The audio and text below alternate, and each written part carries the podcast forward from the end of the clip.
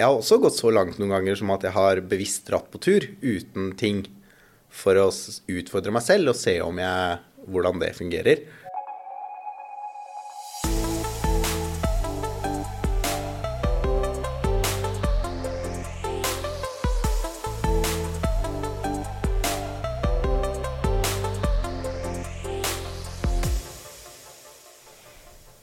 Sove ute, og kanskje spesielt telttur, har blitt ekstremt populært de siste årene. Korona har gjort at mange har testet nye aktiviteter de kanskje aldri har gjort tidligere i naturen. Vi opplever at mange har spørsmål rundt hvordan pakke til ulike turer. Hvordan man kan sove godt i telt, og hvor man kan telte. Dagens episode skal derfor handle om hvordan man kan pakke til en telttur. I studio i dag har vi med oss Oskar Birkeland. Han jobber som innholdsprodusent her i fjellsport.no, med ansvar for å skrive guider og tips og råd. Oskar har en solid bakgrunn med mye friluftsliv fra bl.a. Norge og Canada. Han har jobbet som guide på Svalbard, drevet mye med hundekjøring, skikjøring og har en ekstra stor kjærlighet for trygg ferdsel i vinterfjellet. Velkommen. Takk. Yay! Yay. Har du lyst til å fortelle litt uh, om deg selv, eller? Av ting som ikke var i uh, introen? Jeg syns jo Silje oppsummerte det ganske bra, da. Men eh, ja, i tillegg til å brenne for trygg vinterferdsel, så er det jo å få folk ut på tur, da. Enkel type friluftsliv. Det er viktig for meg. Den kortreiste varianten? Ja, både òg. Men i hvert fall å få folk, ofte barn, syns jeg er veldig hyggelig. Og folk som ikke har veldig mye erfaring med å være ute. Det syns jeg er uh, kjempegøy. Hvis jeg klarer å hjelpe de til å komme seg ut på tur, det er det beste jeg vet. For jeg har også inntrykk av at du er glad i litt sånn morsomme Eller turer med vri. Du har jo fortalt bl.a. om det du kalte en jakketur. Ja, det var uh, Jeg driver ikke så mye med det nå lenger, men det var en periode hvor jeg skulle liksom utfordre meg selv litt. Så da dro jeg på helgeturer, og jeg fikk bare lov å ha med meg det Jeg bestemte selv da, at jeg kun fikk lov å ha med meg det jeg fikk plass til i lommene på jakka. Ja. Så det ble jo mye kreative turer, da. Da ble det liksom fiskesnøre med kroker i den ene lomma, og en pose med sukker i den andre. Men det er ganske mange ting man har glemt, da, hvis man tenker at uh, da skal det gå av seg selv. Ja, for fra, det, fra den uh, fiskesnøret liksom til ferdig tilberedt fisk, så er det jo en vei. Ja, eh, jeg hadde jo f.eks. ikke med kniv på den turen. Nei. Så å lage fiskestang er betydelig mye enklere hvis man har en kniv, da, har jeg lært i ettertid. Um, og en pose med sukker er jo kjempefint det hvis man kan liksom plukke litt kongler og lage litt suppe, eller plukke barnåler og lage seg litt te. Men jeg er ikke helt der at jeg klarte å lage et bål, i hvert fall ikke den gangen, da, uten fyrstikker eller lighter. Så å lage sånn granbar-te er ikke veldig lett. uh, Så da ble det bare å sitte og gomle sukker. Og det var ikke så veldig gøy. Nei, det, det skjønner jeg. Men eh, kan ikke du fortelle litt om hvordan en typisk vanlig dag også på fjellsport er for deg? da? Du, som eh, veldig mange andre, så starter det jo for meg bare med å levere i barnehage og alle de tradisjonelle tingene. Og så eh, er det å komme seg på kontoret. Jeg er jo veldig heldig å jobbe i kjempeflotte, fine lokaler da, på eh, Fjellsport. Eh, en av de aller beste tingene jeg vet med å komme på jobb her, det er jo at vi kan tørke telt nede. Så veldig ofte så står det telt til tørk i inngangspartiet til Fjellsport. Og det vitner jo om at det er noen av kollegaene mine som har vært på tur. Og det er jo alltid gøy. Så ofte, oftere enn mange andre i hvert fall, så går jeg ofte bort og kikker på disse teltene, for jeg syns det er veldig gøy med litt forskjellige telt. da. Og så gjelder det å prøve å finne ut hvem er det som har vært på telttur, og hvor er det de har vært, og hvordan var det, og hva er det vi kan lære av den teltturen de var på. Og så er det faktisk positivt eh, hvis det lukter litt bål. Sånn som jeg tørka et telt her for noen uker siden, og så da jeg skulle ta det ned, så gikk det en kollega forbi, og vedkommende bare 'Å, det lukter bål'. Og det er liksom en positiv greie. Ja, vi er veldig heldige sånn sett, da, at eh, vi kan ha et eh, kontorlokale hvor eh, de tingene der er helt innafor. Um, og så er det å sette seg på jobb og hyggelige kollegaer rundt meg. Og så er det å prøve å finne ut hvordan jeg kan hjelpe til å inspirere disse kundene våre, da, eller gjestene våre, som vi har på fjellsport.no, til å komme seg ut på friluftsliv og drive med snilt og hyggelig friluftsliv. Komme seg ut med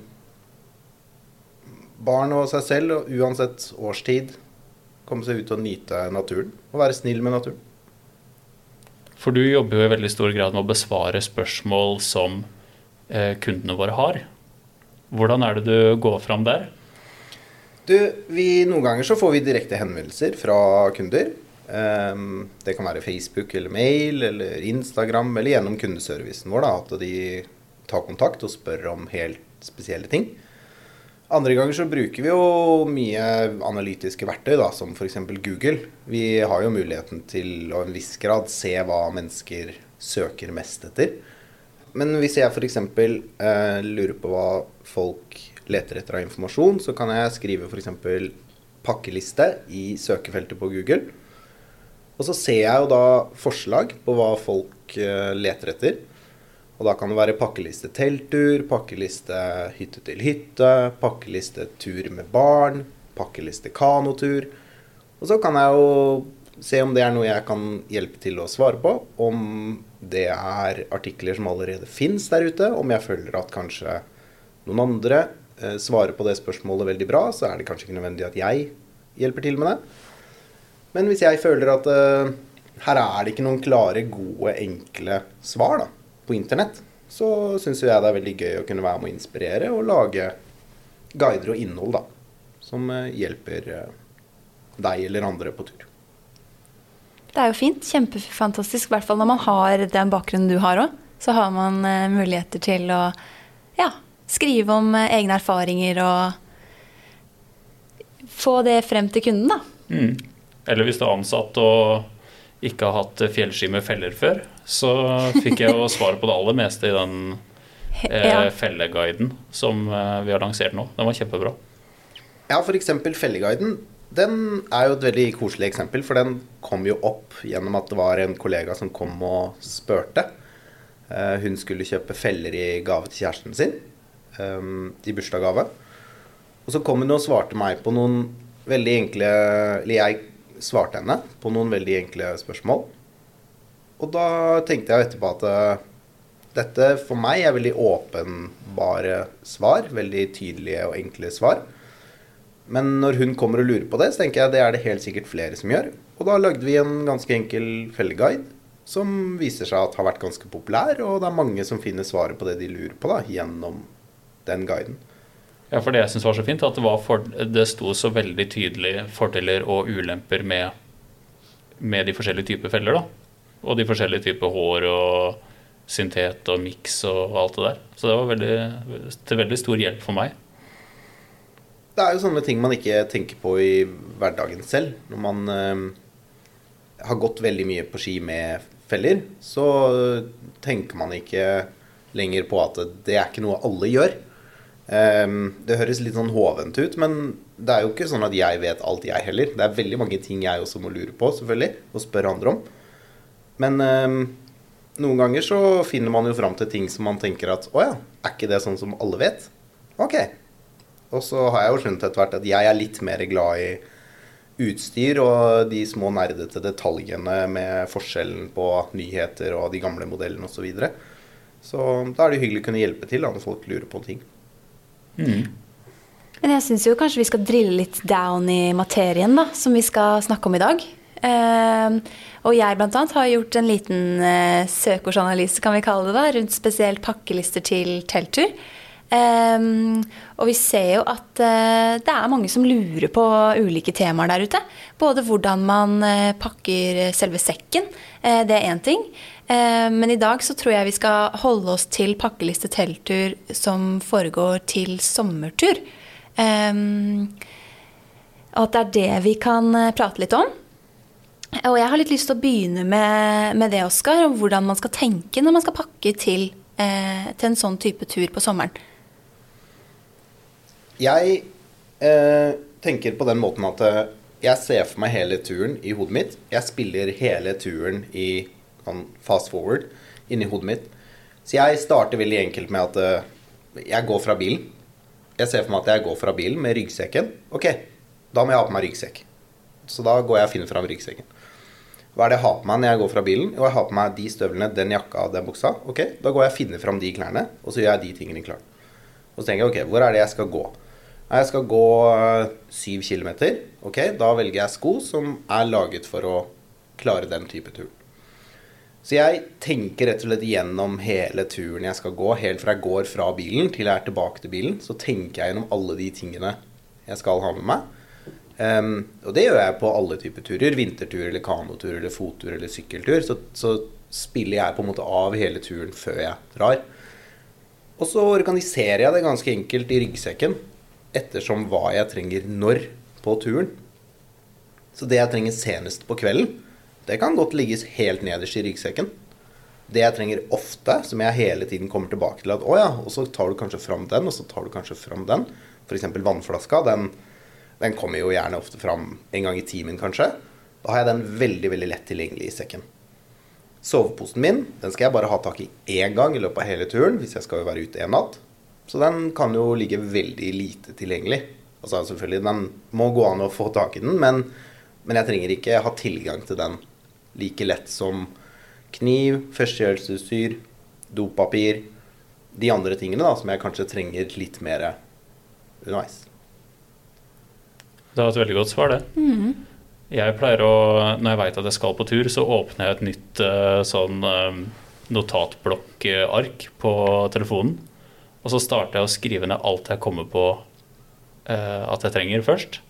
Og da starter det også, sånn som Oskar sier, med sekk, telt, sovepose, alle disse basic tinga. Og så har jeg helt nederst en sånn to do da, før den turen. Som er typisk lade opp hodelykt, eh, handle real turmat, eh, sånne ting. Og da plutselig så sitter jeg på jobb og tenker Ok, nei, jeg trenger også den kniven. Da skriver jeg det inn i lista med en gang. Sånn at jeg slipper å liksom stå og tenke på alt dagen før jeg skal ut på tur. Og det har hjulpet meg veldig med, å, med at det blir lettere å pakke, da. Veldig strukturerte, da, dere, dere begge to er. Se for dere hvordan turen skal bli og Ja, nei, det, det syns jeg er veldig fint. Jeg prøvde å gjøre det enda mer strukturert en gang òg, da. Hvor jeg, sammen som Sindre, så skriver jeg også lister. Og så en periode så når jeg kom hjem fra tur, så skrev jeg ned hva det var jeg ikke hadde, og så redigerte jeg den lista, og så tenkte jeg neste gang du reiser på tur, Oskar, så kan du bare finne fram denne, smakk, smakk, så er alt klart. Men så opplevde jeg ganske fort at det var litt kjedelig. For det er litt gøy å ha med seg litt forskjellige ting hver gang man er på tur. Og den vintersoveposen er kanskje ikke den du tar med deg på tur i juni, f.eks., så den må uansett tilpasses, den lista. Så jeg har gått tilbake til det at jeg skriver nye lister hver eneste gang jeg skal på tur. Det er forskjellige mennesker jeg skal være med. Hvis jeg skal være fra fredag til lørdag, så kan det være noen andre ting jeg har. Men hvis jeg skal være lørdag til søndag, for da er det jo litt ekstra lørdagsgodteri, f.eks. Men øhm, jeg gjør akkurat som Sindre. Lager lister, skriver det veldig enkelt, krysser av. Og har en sånn to do-liste øhm, med ting som også må gjøres. Det er veldig kjedelig å ha med seg en hodelykt som er tom for batteri, f.eks. Eller å ha med seg en gassboks som er tom for gass. Da hjelper det ikke om du har med deg to bokser. Så um, å lage lister, det, det blir man liksom aldri proff nok for Nei, det proff tror til ikke å gjøre. da. Men allikevel så greier jeg som regel å glemme noe. Ja, for det er så jeg- irriterende. For, og det er, liksom, det er ofte sånn bestikk eller turtallerken. Det er alltid en sånn ting jeg glemmer, nesten fordi det er litt sånn for obvious. Har du noen sånne, Oskar? Ja, igjen så Jeg syns det er litt gøy, da, når jeg glemmer noe. For da er jeg nødt til å finne alternativer. Um, jeg har også gått så langt noen ganger som at jeg har bevisst dratt på tur uten ting. For å utfordre meg selv og se om jeg, hvordan det fungerer. Um, med veldig vekslende hell. Jeg har vært på en del turer uten flaske eller kopp. Rett og slett fordi jeg har tenkt at det trenger jeg ikke. Jeg skal gå over Hardangervidda. Jeg trenger ikke flaske. Jeg trenger ikke kopp. Jeg trenger ikke drikke noen ting. Altså, jeg trenger ikke noe å drikke av. Ja. Eh, Jeg kan drikke vann med hendene av bekkenet. Jeg kan drikke kaffe rett av kjelen. Det som er kjedelig da, er at man blir både brent på leppa, men òg klissvåt hver gang du skal sette deg ned inntil en bekk for å prøve å drikke. Så akkurat det med kopp, det, det dropper jeg kanskje å ikke ha med igjen. Jeg har vært på tur med en kamerat hvor vi valgte å bare ha med ett liggeunderlag. Det tror jeg vi dropper. Eh, Det tror jeg ikke vi gjør igjen. Um, så, så, men jeg syns det er litt gøy å, å, være kreativ og så klare å finne de løsningene mens jeg er på tur. Um, det er jo mange Det er mye av det man har da, som kan brukes til flere ting. Så det er jo fint å klare å finne de løsningene mens man er i, på tur også. Mm. Men nå blir det jo kastet litt uh, forskjellig eh, utstyr fram og tilbake her. Og jeg kan vel ikke unngå å ha en liten sånn Dette her er det elementære uh, som må være med i sekken når du skal på F.eks. si jeg skal på sommertur til Hardangervidda i sommer da, med en venninne. Jeg vet ikke om vi må si noe om antall dager, vi må kanskje det. Men hva er det jeg må ha med meg? Hva, hva, hva tenker du er et must i sekken da?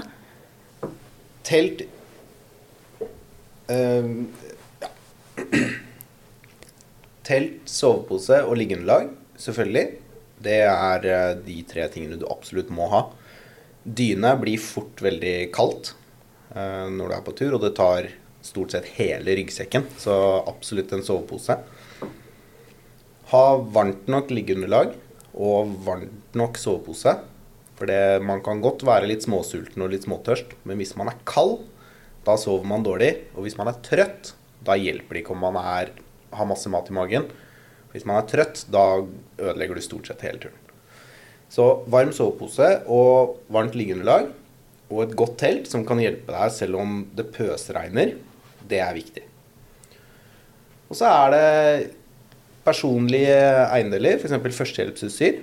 Kjempeviktig.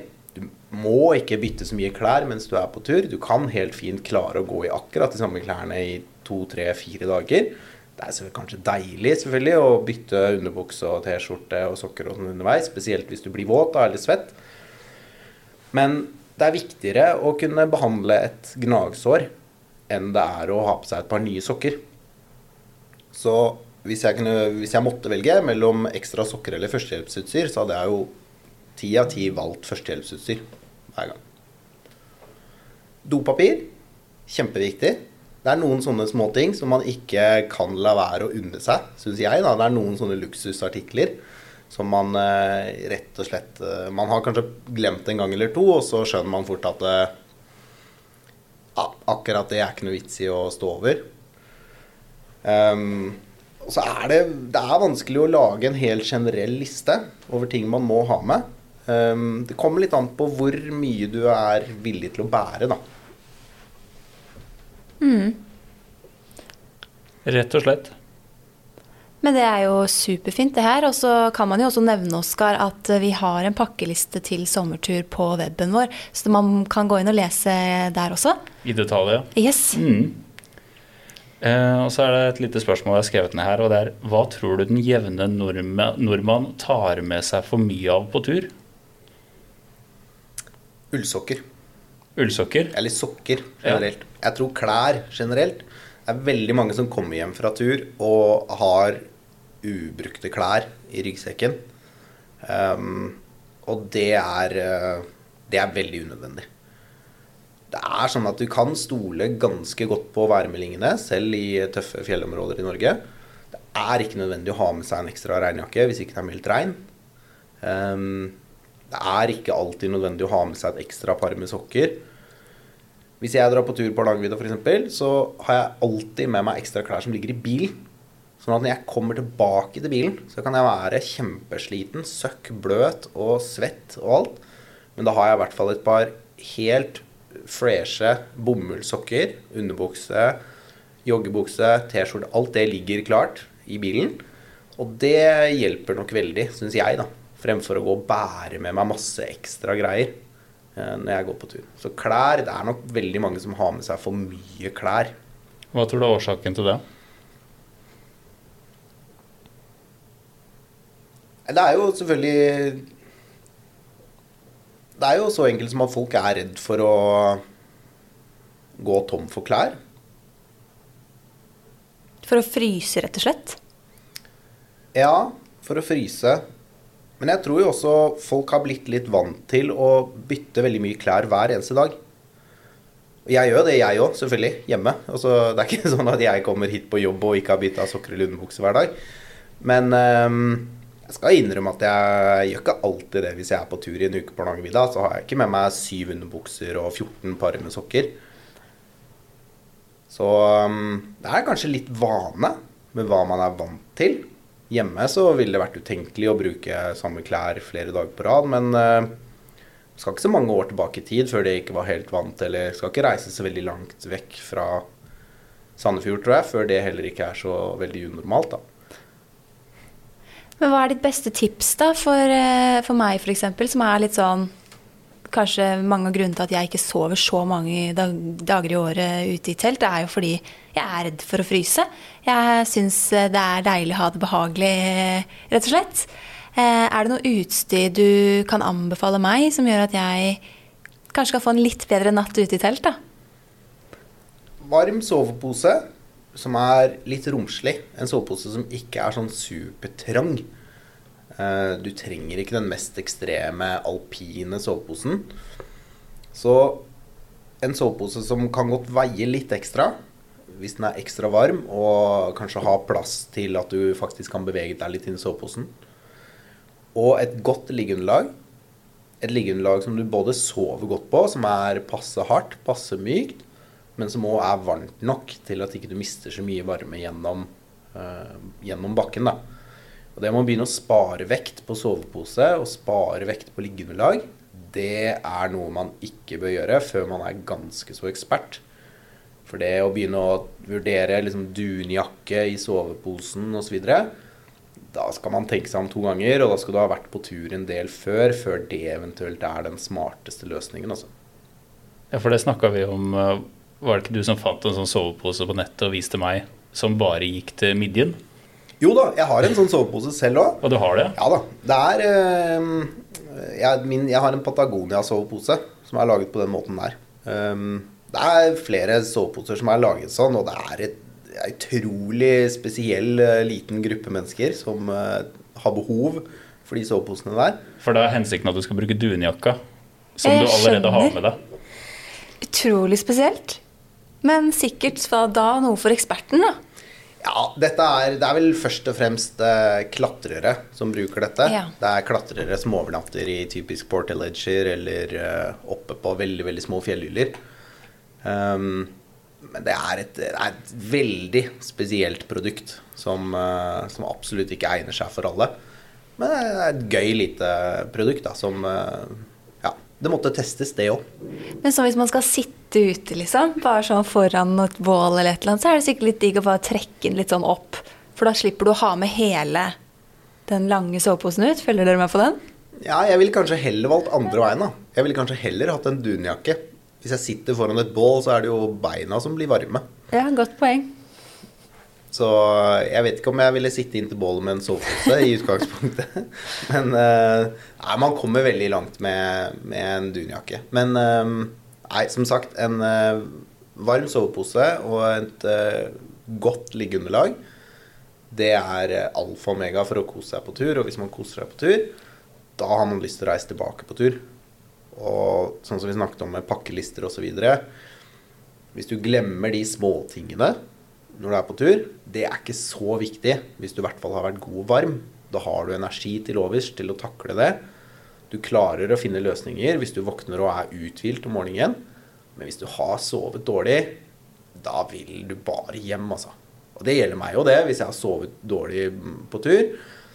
Da er det bare å pakke sammen og komme seg hjem igjen. For da er det ikke, det er ikke altså All kaffe i verden kan ikke redde den morgenen der hvis jeg har ligget våken eller noe. Jeg tar med meg de, det tipset der, altså. Hvor mye syns du man skal fokusere på vekt, da? Jeg Nei, Det er vanskelig å svare på. Igjen så er det litt sånn opp til uh, de viderekomne, tenker jeg, da. Jeg har vært på tur med Trillebår, jeg. Senest for et år siden. Um, det er kjempefint, det. Jeg har med meg masse greier jeg, hvis jeg er på tur med barna mine. Jeg har vært på tur, jeg med kone og to barn. Og så hadde vi med tre telt. Um, et av de var bare for å leke i. Og det var ikke meldt regn eller dårlig vær, men eh, vi syntes det var gøy. Men eh, jeg har også vært på tur eh, fire stykker med et ettmannstelt. Det var heller ikke noe suksess. Men, men det med å begynne å spare på vekt, det skal man tenke seg om to ganger før man gjør. Um, Det er klart det går an å være realist på hva du eventuelt klarer å bære, før man blir en såkalt gramjeger, da. Det er jo veldig sånn skille på om du skal pakke med deg ekstra batterier til iPaden, eller om kanskje det holder med å se på telefon, f.eks. Um, og hvor langt man skal pushe den grensen der, det må man kjenne litt på selv. Men eh, prøv sekken hjemme. Gå noen turer opp og ned trappa eller rundt huset. Så kjenner du fort om eh, dette er noe som er bærekraftig å gå med på tur eller ikke. Altså. For du har jo vært veldig delaktig i eh, slankeoperasjonen på mitt turutstyr eh, i det siste. For, Ja. for min situasjon er at jeg syns at jeg har båret altfor tungt på turer de siste åra. Ja, det syns jeg òg du har, da. Ja, takk. Takk. Og dette kan jeg bekrefte, da, som deler kontor med Oskar, at Sindren sin snute har vært innom kontoret vårt veldig mange ganger de siste uka. Ja, og eh, ja, så jeg har som sagt båret altfor mye. Det er vi alle tre enige om. Så jeg bestemte meg for å ja, gjennomføre en skikkelig slankeoperasjon og bytte ut både soveposer og liggeunderlag og, eh, og sekk, faktisk. Og når jeg nå pakker den sekken litt sånn på tull hjemme, den er så lett. Jeg er så fornøyd. ja, jeg syns jo du har funnet en veldig fin balanse, for du, du har ikke valgt det letteste av noen ting. Um, det er jo selvfølgelig et økonomisk aspekt i det òg, at du kan kjøpe verdens dyreste sovepose. Men uh, det koster også veldig mye. Så fort grammene går ned, så øker også prisen ganske betydelig. Så det er som vi snakket om, du må, kan ha en veldig veldig lett sovepose, men det er samtidig litt viktig at den har noen sånne små detaljer som du kan sette pris på. En liten glidelåslomme til telefonen f.eks. Ja, det øker litt vekt og sånn, men, men det er veldig deilig å ha det. Et, eh, et stoff på soveposen som faktisk kjennes litt deilig ut mot huden hvis du skal sove bare i underbukse og T-skjorte om sommeren. Det også er litt viktig å ikke ha en sovepose som bare kjennes ut som plastikk, selv om plastikk kanskje er lettere. Så er det noe med den komforten òg som man må Det er jo hele tida en trade-off. Det merka jeg veldig da jeg satt og kikka sammenligna soveposer. Liksom, ok, den er så og så eh, varm, men veier så og så mye. Det er, det er jo hele tida en trade-off mellom på en måte, hvor robust eller hvor varm ting er, og hvor lett det er. Ja. Og det er eh, mange eksempler man kan bruke. Det er liksom, de fleste forstår jo at du kan ikke ha, velge deg veldig korte ski bare fordi de veier mindre, f.eks. På et punkt så, så går man over grensen til at det begynner å bli veldig upraktisk når ting veier så lite. Dette er noe klatrere f.eks. kjenner veldig godt til. Med valg av stegeren f.eks. Kan spare utrolig mange gram. Opptil 500 gram. Men hvor du da kan ende opp med stegjern som ikke er laget for det du har tenkt å bruke de til, eller ikke er laget for å tåle den bruken du skal utsette det for. Så det er ikke alltid det lønner seg å gå på det letteste heller, altså. Men heller kanskje, som du sier, være litt bevisst med hva man tar med. Det var et veldig godt eksempel at du sa med batteri med iPad kontra å sitte og se på telefon. Ja.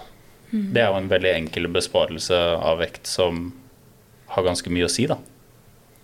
Absolutt. Og det er veldig mye forskjellige varmeartikler da, som man lett kan spare mye vekt på.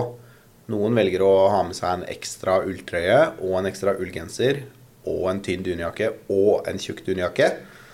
Men eh, jeg pleier å tenke at hvis ikke jeg skal bruke alle de tingene samtidig, så er det i hvert fall en av de jeg kan la ligge igjen hjemme, da. Ja, men det er en fin regel. Mm, det syns jeg òg. Så var jeg på tur for et par helger siden og hadde bestemt meg for å kutte masse, masse vekt. Men uh, han kameraten min hadde akkurat fylt 30 år, så vi hadde med en liten flaske med champagne. Så da følte jeg at den der uh, gramjegerlivsstilen min bare gikk rett ut av vinduet. Ja, men jeg har et tips på det der òg, jeg. Oh, ja. Det er uh, vin i plastikkflasker. Veier betydelig mindre enn vin i glassflasker. Men boblene, da? Ja, Bobler blir det verre med. De får, Ja. du, ta, de får du ta hjemme. Og så får du heller kose deg med ting på plastikkflaske mens du er på tur. Da. Ja. ja, men det er et godt tips, det. Hvis man er veldig glad i bobler, da, Da har man et problem. Ja, Hvis man, noen har et solid tips på det, så må de sende det til kundeservice hos oss og videreformidle. Drikke det ved bilen idet man går, kanskje. Ja, Det er ikke dumt. Kan gå på en snurr da, så jeg tror ikke vi skal anbefale det. Altså, um, Et punkt jeg syns er litt spennende, det er hvordan å planlegge tur. Hvordan, eh, hvordan går man frem der? Og der har jeg skrevet ned et stikkord som bl.a. er ut.no. Ja, jeg har jo planlagt en tur med deg, Sindre, før. Og da brukte vi ut veldig mye. Jeg er veldig glad i det. Um, jeg er nok generelt langt over snittet glad i kart. Og syns det er veldig veldig gøy å sitte og studere kart. Sånn at når jeg kommer meg ut i det området jeg skal være på tur, så har jeg allerede ganske god kunnskap om hvordan det ser ut rundt meg. Jeg er ikke så veldig nøye på hva det vannet heter, eller hva den toppen heter. Eller hvor høyt over havet akkurat den lille knausen er. Men uh, hvor dalførene er, hvordan vinden kan uh, forventes å komme osv. Så, videre. så jeg er veldig glad i å studere kart nøye før jeg drar på tur. Da bruker jeg ofte f.eks. ut.no. Um, jeg har også Basecamp, det programmet til eh, Garmin, GPS-en, som jeg bruker en hel del, og legger inn GPX-ruter og sånn, som jeg kan laste ned fra ja, bl.a. ut.no. da. Og så bruker jeg også veldig mye papirkart.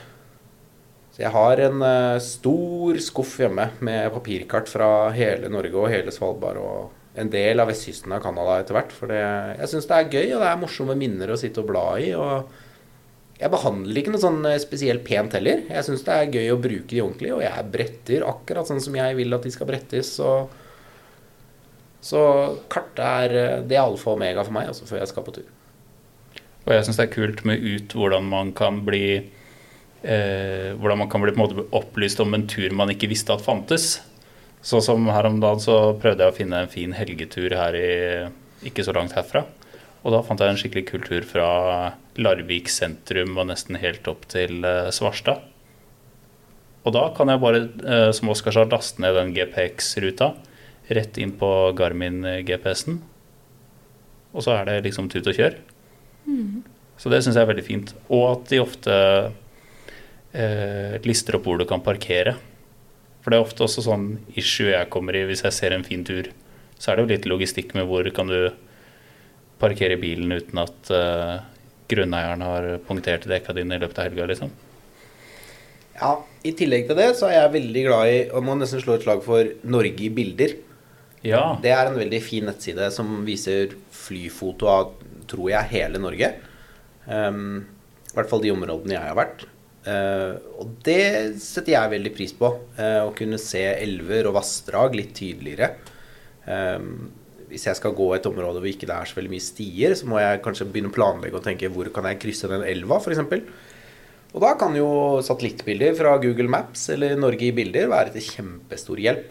Og hvis man er glad i å fiske, enten det er ved kysten eller oppe på fjellet, i vannet, så er jo også Norge i bilder helt fenomenal, hvor du får se grunner, og veldig ofte hvis eh, bildene er tatt på lavvann eller høyvann eller med sterk sol f.eks., så kan du ofte se detaljer i vannet som hjelper veldig når du skal ut og ja, fiske sjøørret eller prøve laksefiske eller ørretfiske. da. Har du prøvd den appen som heter Norgeskart eh, friluftsliv? Nei, men en av de jeg er mye på tur med, bruker den uh, veldig ofte. Ja, den, For den syns jeg har bedre kart enn ut. Ja. Veldig sånn detaljert og veldig sånn brukervennlig med avstander og lage egne ruter og der får du også ut, eh, hvis du lager deg en, en tur i den appen, så kan du også få ut GPX-fil der og så rett inn på Garmin. Eller andre tilsvarende GPS-er. da. Ja, det må jeg prøve ut. Høres smart ut. Hvis man blir eh, utsatt for eh, å bli våt da, på tur, eh, har du noen gode tips til hvordan man enkelt og effektivt kan tørke klærne sine? Jeg tørker ganske mye klær på kroppen, jeg. Eh, jeg liker å snu på trøyene mine. Eh, hvis jeg er veldig våt på ryggen, så snur jeg rett og slett den trøya bak fram. Eh, det, det, opplever jeg som ganske effektivt da, for å skulle tørke, tørke klær på kroppen. Sokker f.eks. kan jeg jo, hvis jeg har med ekstra sokker, så hender det at jeg tar de andre, de våte sokkene mine. Kan jeg også tørke på kroppen. Jeg kan legge de på lysken mens jeg går. Eh, jeg kan legge de langs leggen under buksa. Og rett og slett tørke det på huden. Det er jo så som så med komforten da, når man skal drive og tørke vått utstyr på huden. Så det, det er ikke noe jeg anbefaler barna mine å gjøre. Men da er det rett og slett og eventuelt så er det å sitte i teltet om kvelden og tørke det over primusen. Og sitte med en og en sokk og holde over og prøve å tørke. Henge ting opp. Få med en gang du kommer fram i leir, lage tørkesnor. Tørke det over bålet hvis man har muligheten til det. Hvis du eh, får til å tenne et bål i pøsregn, så går det an å tørke ting på bålet selv om det regner. Min erfaring er at uh, hvis du holder det nærme nok uten at det tar fyr, så tørker det før det blir vått igjen. Men uh, Man må følge med. Ja, det er viktig å, viktig å følge med på det der. Mange er jo fan av å ta med våte ting ned i soveposen på natta. Hva syns du om det? Det kommer litt an på hvor lenge jeg skal være på tur, og hva den soveposen er laget av. Skal jeg være på tur én natt, så gjør det jo ingenting om eh, all den fuktigheten fra de våte sokkene f.eks. trekker inn i soveposen. For det er ikke sånn at når ting tørker i soveposen, så forsvinner jo ikke den fuktigheten ved magi. Den blir jo borte et eller annet sted, og det er inn i soveposen. Så hvis jeg har en dunsovepose og skal være på tur i mange dager, så er det veldig lite praktisk at den soveposen blir våtere og våtere og tyngre og tyngre og tyngre for hver dag. Og til slutt så begynner den å fryse til is inni soveposen hvis du er på vintertur, og det vil du helst ikke ha noe med å gjøre. Du merker den på morgenen hvis soveposen er eh, Når det knitrer når du skal pakke den sammen, da er det litt mye luftfuktighet i soveposen. Så um, det kommer veldig an på om det er mange dager, eller om det er uh, Og hva slags sovepose jeg har, da. Om det innholdet i den soveposen tåler noe særlig fuktighet eller ikke. Men sånn generelt så er jeg ikke veldig fan av å ha våte ting nedi soveposen der. Det skjønner jeg godt. Jeg syns det hørtes kaldt ut. Ja, det kan fort, uh, kan fort bli kaldt. Og så blir det sjelden veldig tørt heller, syns jeg. Jeg syns jeg våkner Det blir sånn Det blir lunka, men det er fremdeles vått. Så Hvis du har dunpose da, er det enkelt å tørke den når du kommer hjem fra tur? Eller tar det, kan det ta opptil flere dager? Er det tørketrommelen du kjører da, eller må du henge den opp? Jeg eh, henger alt opp. Det gjør jeg uansett hva slags eh, Om det er vått eller ikke, så prøver jeg å tørke og la ting henge en liten stund når jeg kommer hjem igjen. Uansett hva det er for noe. Eh, hvis dunsoveposen blir våt, og jeg har tid til det, så lar jeg den bare henge i kjelleren. Jeg kan la det henge i garasjen på vinteren f.eks. Så kan jeg fint tørke ting ute hvis det er kaldt nok. Så kan jeg tørke ting i garasjen. Em, hvis ikke så henger jeg det opp i kjelleren, og hvis jeg må forte meg å få dette tørt igjen, for jeg skal ut på nye eventyr, så hender det vel at jeg bruker uh, tørketrommel, men uh, det, det er, tilhører sjeldenhetene, altså. At jeg bruker tørketrommel til å tørke ut turutstyr. Det viktigste er i hvert fall å henge opp ting når man kommer hjem. Sånn at ikke fukt og alt sånt får uh, akkumulert og samla seg inn i kompresjonstrekk og det som er. Ja. Og så får man gått over sømmer, sjekket at ting eh, Da reparerer jeg det. Hvis det er noe jeg oppdager at det har skjedd, så, så reparerer jeg det hjemme før jeg pakker det ned, sånn at det er klart til neste tur igjen, da. Det er veldig kjedelig å skulle reise på tur med et telt og så komme på Å ja, stemmer det. Den glidelåsen gikk i stykker sist jeg var på tur. Nå må jeg reparere den før jeg skal dra i morgen. Da er det veldig mye deiligere å tenke på at å ja, stemmer det. Den gikk i stykker, men den reparerte jeg sist søndag når jeg kom hjem fra turen. Der er det forresten veldig mange kule videoer på YouTube om eh, reparasjon av glidelåser ute i felten. For de spesielt interesserte, så kan jeg anbefale det. Kult. Det mm, er jo ikke sånn at man må ha med seg telt da, når man pakker sekken. Man kan jo velge løsningen som hengekøye, eller kanskje man har lyst til å bare prøve å være litt gæren og sove under åpen himmel. Hva, hva tror du, Oskar? Hva er det du foretrekker? Du, jeg så Det er nesten litt sånn å banne i friluftskirka i Norge, føler jeg. Men jeg sover ikke så veldig godt i hengekøye, så jeg er ikke så veldig glad i liggehengekøye. Og samme her. Min eh, kone er veldig glad i det, så hun uh, syns det er veldig ålreit. Um, jeg har, opp, jeg har eh, flere ganger, hvis det har regna f.eks., så har jeg sovet på bakken under min kone, som ligger i hengekøye. Og så ligger vi under den samme tarpen, da, men det blir litt sånn som å ligge i køyeseng når vi er på tur. Og jeg sover nok best flatt på bakken, enten det er i et telt eller om det er um, bare rett på bakken. Så syns jeg ofte det er deiligere enn hengekøye. Men jeg er litt misunnelig på alle som ligger i hengekøye, for det ser så utrolig deilig ut. Så jeg liker jo Jeg har ofte med meg hengekøye på tur, hvis jeg er på kanotur f.eks. Så syns jeg jo det er veldig fint å stoppe, henge opp hengekøya. Jeg kan sitte der og spise lunsj, og jeg ligger og koser meg i hengekøya. Kan også ligge i hengekøya på kvelden og lese bøker, og ligge om morgenen og ligge og kose meg i hengekøya hvis jeg har tid til det. Men akkurat for å sove så syns jeg det er veldig mye deiligere å ligge på bakken, altså. Men Tarp er jo et fantastisk produkt. Det syns jeg er utrolig anvendelig, nesten uavhengig om du skal sove under åpen himmel i hengekøye eller i telt. Så kan du få bruk for en tarp uansett. Absolutt. Og selv om du er på telttur, som du sier, så er tarp kjempeålreit. Du kan både bruke det for å henge det over teltet, for å gi det ekstra sånn regnbeskyttelse. Jeg liker ofte å sette opp tarpen hvis jeg skal spise lunsj. Hvis det er regn osv., så, videre, så gidder jeg ikke pakke opp det teltet og sette opp det teltet. Men tarpen den er veldig rask å, å sette opp.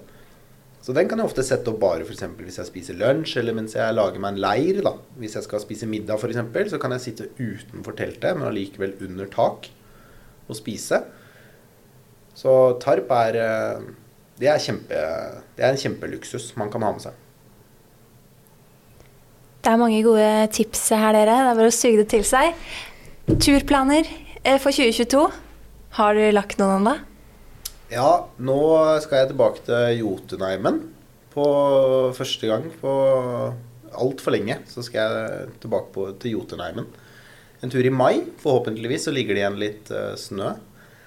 Så da er vi en sånn uh, pappatur, kaller vi det. Dette er uh, pappaer som uh, har fått litt for lite tur de siste årene. Så da skal vi møtes og kose oss og forhåpentligvis få tilbake det pandaskillet man hadde som Sogndal-student. Og så ta rett og slett eh, fire-fem dager i Jotunheimen. Høres jo helt fantastisk ut.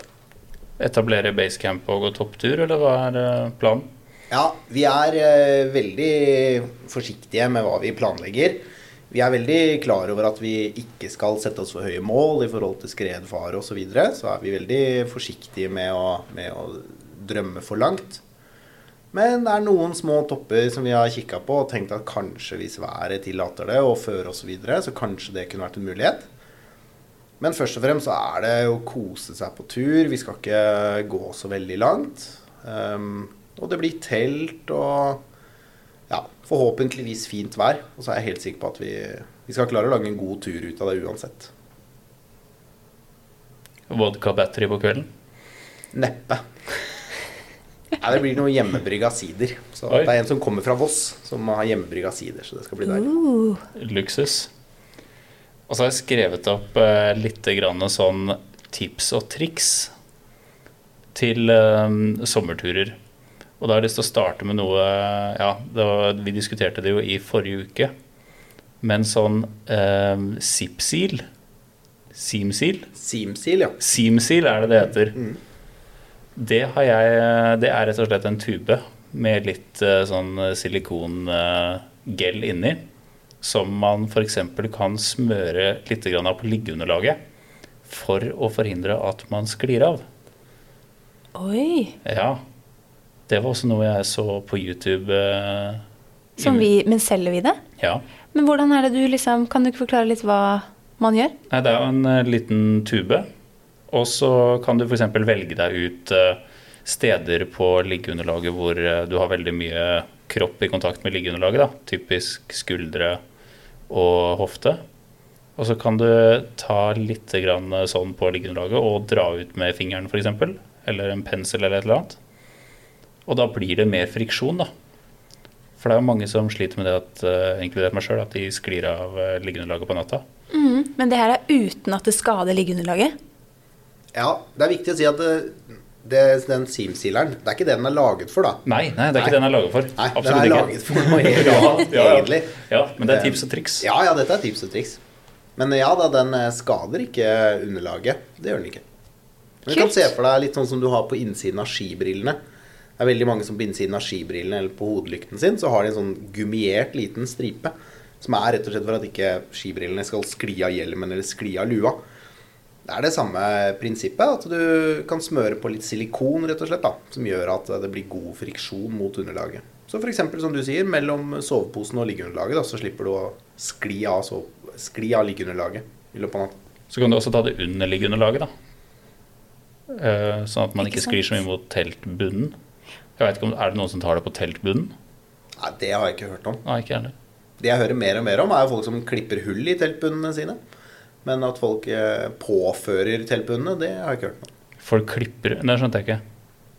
Nei, på, det er også en måte å spare vekt på, da. Å ja, rett og slett. Jeg har et teltbunn, Reverse footprint. ja, jeg har et teltbunn som jeg har klipt hull i.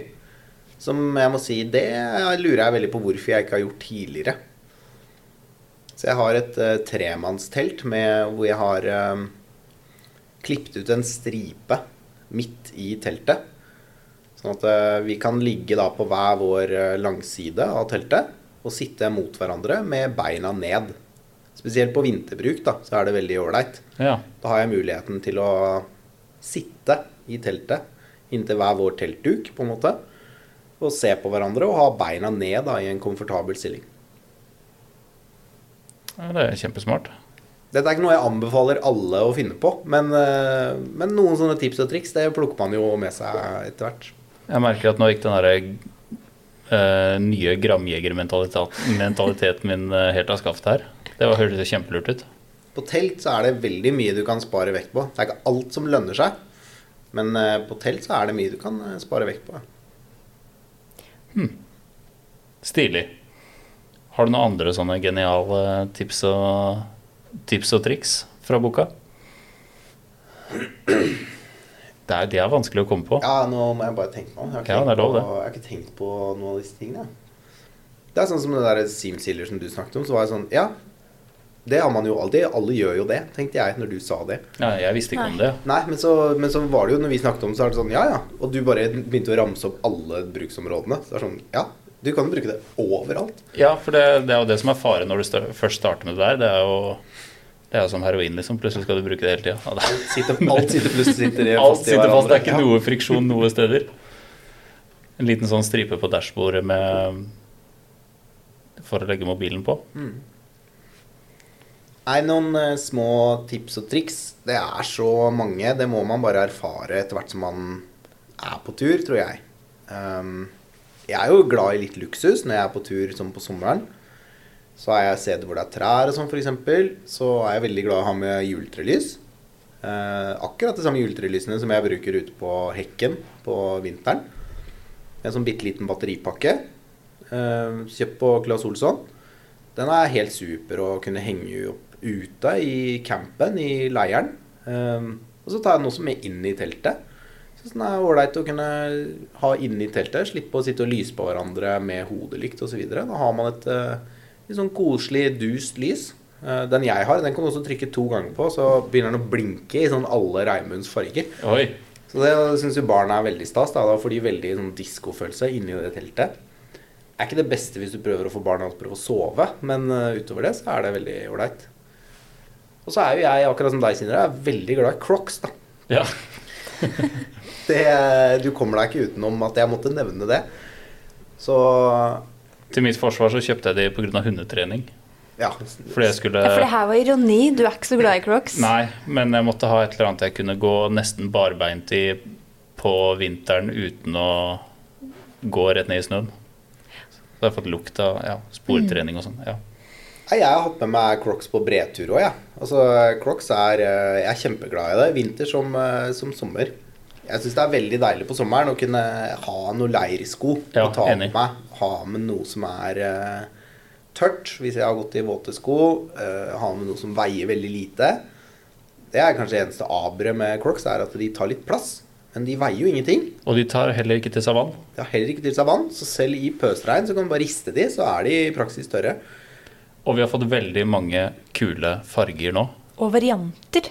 Ja, og varianter. Det, det er ikke bare den vanlige standardkrokken som Da er det med glitter, med pels. Det er liksom Ja. det ene og det andre. Så det er eh, ja, to sånne tips på siden. da. Det ville vært å ha med juletrelys og Crocs. ja. Det hadde jeg ikke trodd jeg skulle si i den samme setningen, men eh, de to tingene der de kan eh, varmt anbefales å ha med seg på tur. Altså. Vi er glad i litt sånn annerledes ting, Oskar. Det er kult. Jeg er, også, jeg er også veldig glad i å ha helt, helt nederst i sekken så har jeg klipp til, eh, til et lite sitteunderlag som gjør at jeg kan sette fra meg sekken nesten, nesten hvor som helst uten at det trekker vann inn i det jeg har nederst i sekken. Pluss at du har med et sitteunderlag. da. Så det, Nå veit jeg ikke om det ryker med den nye Gramjeger-mentaliteten, men eh, jeg syns det er en fin greie å ha nederst. da. Så får du et litt ekstra lag. Ikke minst så er det veldig ålreit å kunne stå på når du skifter. Ikke sant? Det også er veldig deilig. Å ha noe å stå på, så man ikke står og balanserer på vått gress og skal ta på seg sokker og støvler og alt mulig. Så er det veldig ålreit med et lite underlag å stå på. Nei, men Så bra. Da tror jeg vi går over til eh, de faste spørsmåla vi pleier å runde av hver episode med. Og det første er jo om du kan ta med deg en ting som beskriver deg som person. Ja, det der var eh, litt morsomt, for jeg spurte kona mi, og hun bare så rart på meg og sa med en gang at det må jo være en MSR XGK. Oi. Den eh, brenneren. Den har jeg hatt i ganske mange år. Jeg har den til og med med meg. Og det er eh, som Jeg spurte hvorfor. Jeg begynte å le, for jeg skjønte jo hvorfor hun mente at den beskrev meg, da. Men uh, hun sa at den trives jo veldig godt i kulda. Uh, så den, uh, akkurat som meg, da, syns det er veldig ålreit å være på vinterturer. Og så krever den ikke så veldig mye vedlikehold. Eh, det også mente kona mi var litt sånn samme som meg. da Når du er på tur, så kan du bare skru den på, og så bare la den stå. Bare, den bare går og går, den. Det, den. Den krever ikke så veldig mye luksus underveis, da. Og så er den litt bråkete. Det også syns kona mi at det passa ganske bra i forhold til meg. Eh, selv så må jeg kunne legge til at den er veldig god på kaffekoking. Ja. Det syns jeg også selv at jeg begynner å bli ganske god på etter hvert. Så jeg er nok enig med henne at eh, av alt det jeg har av ting og tang i huset mitt, så er kanskje rett og slett den eh, MSR Exicon Nå er den der eh, i hvert fall 15 år gammel. Og jeg har aldri bytta en eneste del på den Nei. på 15 år. Jeg har reparasjonsutstyr, men jeg tar den fra hverandre en gang i året og pusser den. Litt sånn som jeg går til tannlegen selv. Så tar jeg den eh, fra hverandre og pusser den og fikser litt på den. Men eh, nei, den eh, kommer aldri til å gå i stykker, det er jeg helt sikker på. Ikke før jeg går i stykker, i hvert fall. Det var veldig bra, veldig bra svar.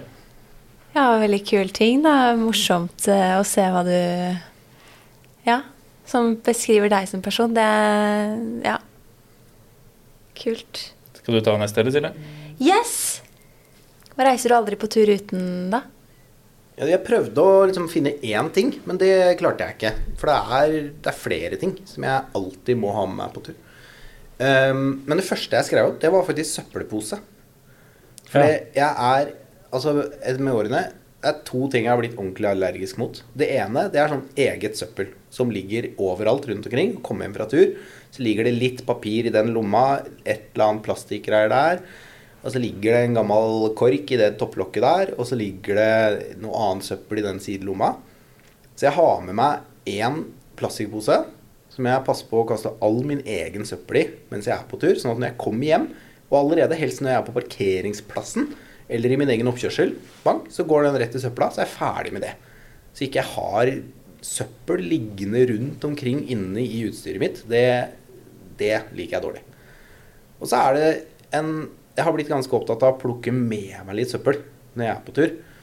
Som alle andre så er jeg jo utrolig glad i den, tur, den naturen vi er i. Um, og jeg er veldig glad i dyreliv. Så jeg ser jo veldig lett på søppel som noe som helt sånn konkret kan ødelegge dyrelivet rundt meg. Så søppelpose den har jeg veldig veldig lett tilgjengelig når jeg går på tur. Den ligger som regel i, i topplokket. Og der har både jeg eller de jeg er på tur med, veldig lett tilgang til den hvis det er noe vi skal kaste. Eller hvis jeg ser noe småtteri som ligger rundt omkring, ja, plukker jeg det med meg. Og det veier som regel ingenting. En liten kork eller en liten bit med sølvfolie eller noe sånt noe. Det veier ingenting, så det, det bærer jeg med glede med meg, altså. Og så er det kart og kompass, da. Jeg sa det at jeg er veldig glad i kart og kompass, og det har jeg også med meg på tur. Jeg syns det er veldig gøy å lese kart når jeg ligger i teltet på kvelden. Så det liker jeg å ligge. Jeg kan ligge en time jeg, og se på den karta. Det er som å lese en bok for meg. Og jeg kan lese helt andre områder enn akkurat der jeg skal i morgen. Synes Det er kjempegøy å se på nye muligheter, nye vann eller nye daler eller nye fjelltopper. Og sitte og se på ah, det fjellet der, hvordan kan man komme opp på det? Hvor er det skredmessig mest riktig? Hvor, hva bør man unngå? Og så, videre. så kart og kompass er viktig. Kniv har jeg selvfølgelig alltid med meg. Jeg har aldri med meg mer enn én kniv. Det heller har jeg aldri forstått. Folk som har med seg både kniv og alt mulig. Har med seg tre-fire forskjellige kniver. Og samekniver og øks og Leatherman eller multitool og alt mulig. Jeg har med én kniv, eh, og det holder massevis. Har jeg en god kniv. Hodelykt har jeg alltid med, også på sommeren. En god hodelykt. Jeg er litt mørkeredd. Selv om jeg er glad i vinteren, så er jeg litt mørkeredd. Så hodelykt, den eh, er også alltid med. Og selvfølgelig førstehjelpsutstyr, som jeg sa i stad. Det har jeg alltid med meg. Eh, det eneste jeg har med i mitt førstehjelpsutstyr som jeg vet ikke alle har med, det er kulltabletter. Det er det eneste jeg vet om som det hender at jeg må dele ut til andre jeg er på tur med. Så kulltabletter eller neglesaks, det er de to tingene jeg opplever at jeg har med i mitt førstehjelpsutstyr som ikke alle andre har med. da. Og så sist, men ikke minst, sjokolade. Mm. Alltid med mørk sjokolade. Coop sin mørke sjokolade åh, Og Coop sin, ja. ja, får ikke nok av den. Helt fenomenal. Det er Alltid med på tur. Veldig bra. Mm. Spennende. Og så Du har jo veldig veldig mye utstyr, så jeg veit ikke om det spørsmålet her er overflødig. Men har du noe utstyr som du alltid har ønska deg, men som du enda ikke har eh, kjøpt? Nei, det har jeg faktisk ikke. Det er ikke ett utstyr jeg liksom alltid Det jeg har ønska meg, det har jeg som regel alltid kjøpt. Eller klart å overbevise meg selv om at nei, det har du ikke lyst på likevel. Um, jeg har bodd så mange rare steder og drevet med så mye forskjellig type friluftsliv, så jeg føler jeg liksom har prøvd det meste. Men Explore-støvler, altså de nye eh, Rottefella-bindingene Jeg er så heldig at jeg har eh, fått tak i et par sånne bindinger.